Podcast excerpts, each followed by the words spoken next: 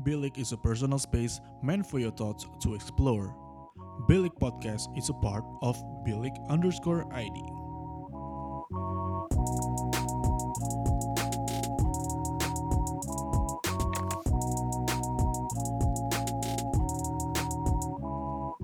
Bilik, your thoughts matter. Bilik Rehat kembali lagi mengudara di awal bulan Desember ini. Asli, gue nggak tahu udah berapa kali ngomongin ini, tapi 2020 tuh berasa cepet banget berlalu. Ya nggak sih? Ada yang ngerasain sama kayak gue nggak sih? Jadinya tuh, gue bingung gitu, tahun 2020 gue udah ngapain aja ya? Ya, tapi meskipun tahun 2020 ini kurang menyenangkan, karena ada pandemi lah, apalah yang bikin, kok rasanya 2020 tuh tahun yang buruk banget gitu. Gue pribadi punya beberapa hal yang patut gue syukuri di tahun 2020 ini. Bilik nyampe 1000 followers, gue lulus tepat waktu, gue wisuda, gue bangun usaha baru bareng teman-teman gue, dan sesuai sama judul Bilik Rehat kali ini, gue berhasil fully moved on. Jujur ya, proses move on gue ini sangat memakan banyak tenaga karena membutuhkan waktu kurang lebih hampir 2 tahun. Yes, kalian gak salah denger. Gue butuh waktu hampir 2 tahun untuk bisa fully move on dari relationship terakhir gue. Dan gue cukup yakin sih, banyak banget teman-teman di luar sana, termasuk teman-teman yang lagi ngedengerin podcast ini, yang mungkin juga lagi struggle dengan yang namanya move on. Gue di sini mau sharing aja sih pengalaman move on gue dan cara gue bisa sepenuhnya move on biar mungkin bisa jadi referensi dan juga pengingat buat teman-teman yang juga mau move on atau untuk bisa fully move on. Ngerti maksud gue gak sih? ya, jadi gue tuh pacaran gak lama-lama banget. Ya, setahun hampir dua tahunan lah. Dan selama gue pacaran itu, gue bukan jadi diri gue. Kayak seakan-akan gue lupa gue siapa dan gue jadi ngebentuk diri gue sebagaimana idamannya pasangan gue. Iya, gue bucin banget. Alhasil, gue jadi bergantung banget sama dia. Profil dia tuh jadi patokan gue untuk melakukan sesuatu, walaupun dia gak minta. Secara gak sadar, gue membentuk attachment ke dia yang bikin gue gak bisa lepas dari dia. Tau gak sih, kalau misalnya kita udah attach banget sama seseorang, atau sama orang, apa pun yang dia lakukan, kita toleransi, termasuk kalau mereka secara sengaja atau nggak sengaja nyakitin perasaan kita. That happened to me. Sesakit apa pun yang gue rasakan, gue nggak bisa aja gitu benci atau tinggalin dia. Gue inget banget suatu malam gue nangis sampai nggak bisa napas dan gue nggak bisa nelfon siapa-siapa karena itu tengah malam.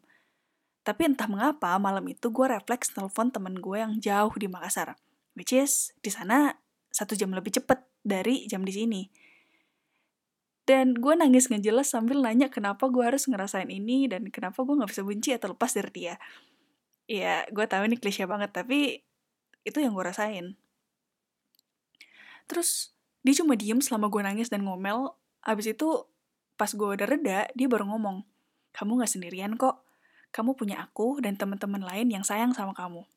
Bisa yuk kita lewatin ini bareng-bareng. Biar! Ambiar banget gak tuh? Tapi di situ gue pelan-pelan sadar kalau, well, gue punya banyak orang yang sebenarnya care sama gue dan gak bakal ninggalin gue. Yang selama ini gak pernah terlihat karena gue sibuk ngebucin. Hmm. Selama hampir 2 tahun perjalanan move on gue itu, gue berkali-kali merasa udah berhasil move on nih. Tapi gagal lagi karena doi balik. Maksudnya tuh kayak tiba-tiba doi care, tiba-tiba baik, tiba-tiba nunjukin gestur masih sayang, tiba-tiba di chat, dan sebagainya temen-temen gue sampai udah gedek sendiri tiap kali denger gue cerita gue gagal move on lagi. Which is berarti mereka care sama gue. Pelan-pelan gue yakinin diri sendiri kalau gue gak bisa kayak gitu terus. Gue mulai ambil perintilan-perintilan hidup gue yang ambiar ke mana-mana dan gue susun ulang. Gue cari skill baru, gue ngelakuin aktivitas yang udah lama gue tinggalin, gue mulai bersosialisasi dan keluar dari zona nyaman gue ya nyari teman baru dan koneksi baru. Dan gue self-care. Gue self-care kayak nge-gym, jaga makan, atur pola hidup, skincare, dan sebagainya macamnya itu dengan intensi bukan untuk bikin mantan nyesel. Karena fokus gue sekarang udah bukan di dia lagi. Fokus gue sekarang ada di gue. Gue harus begini karena gue sayang sama diri gue. Gue harus begitu karena gue penting dan gue worth it gue jadi mikir, kalau fokus gue ngelakuin itu demi dilihat dan bikin mantan nyesel, artinya gue belum sepenuhnya move on dong. karena dunia gue masih berputar di dia. Sama aja bohong. Tapi gue bersyukur sih dengan kejadian ini, karena kalau nggak ada masalah ini, gue nggak akan bisa jadi gue yang sekarang, dan mungkin gue akan terus bingung tentang jati diri gue. Oke, gini, gini, gini. Waktu yang diperlukan seseorang untuk move on, itu nggak ada patokan atau standarnya. Ada orang yang bisa move on dengan cepat, ada juga yang lama. Semua orang punya waktunya sendiri dalam perjalanannya bisa sepenuhnya move on. Jadi, kalau sampai sekarang teman-teman ada yang udah lama banget selalu gagal move on, itu menurut gue nggak apa-apa. Kamu sutradara hidup kamu sendiri. Ya, kalau kamu udah coba berbagai cara nih untuk bisa move on tapi nggak move on move on, coba kamu refleksikan kembali. Apakah cara yang kamu ambil udah tepat? Apakah fokus kamu udah tepat? Bisa aja selama ini kamu selalu gagal move on karena kamu masih fokus sama dia dan bukan diri kamu sendiri. Nih, satu rahasia umum yang gue yakin udah banyak yang tahu. Mantan itu suka iseng suka iseng balik kalau dia ngerasa kita udah bisa do well with our life.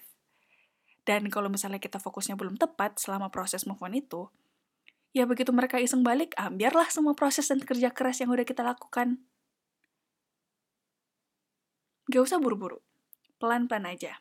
Dengan niat, usaha, dan fokus yang tepat, semua akan indah pada waktunya kok. Bilik is a personal space meant for your thoughts to explore. Bilik Podcast is a part of Bilik underscore ID.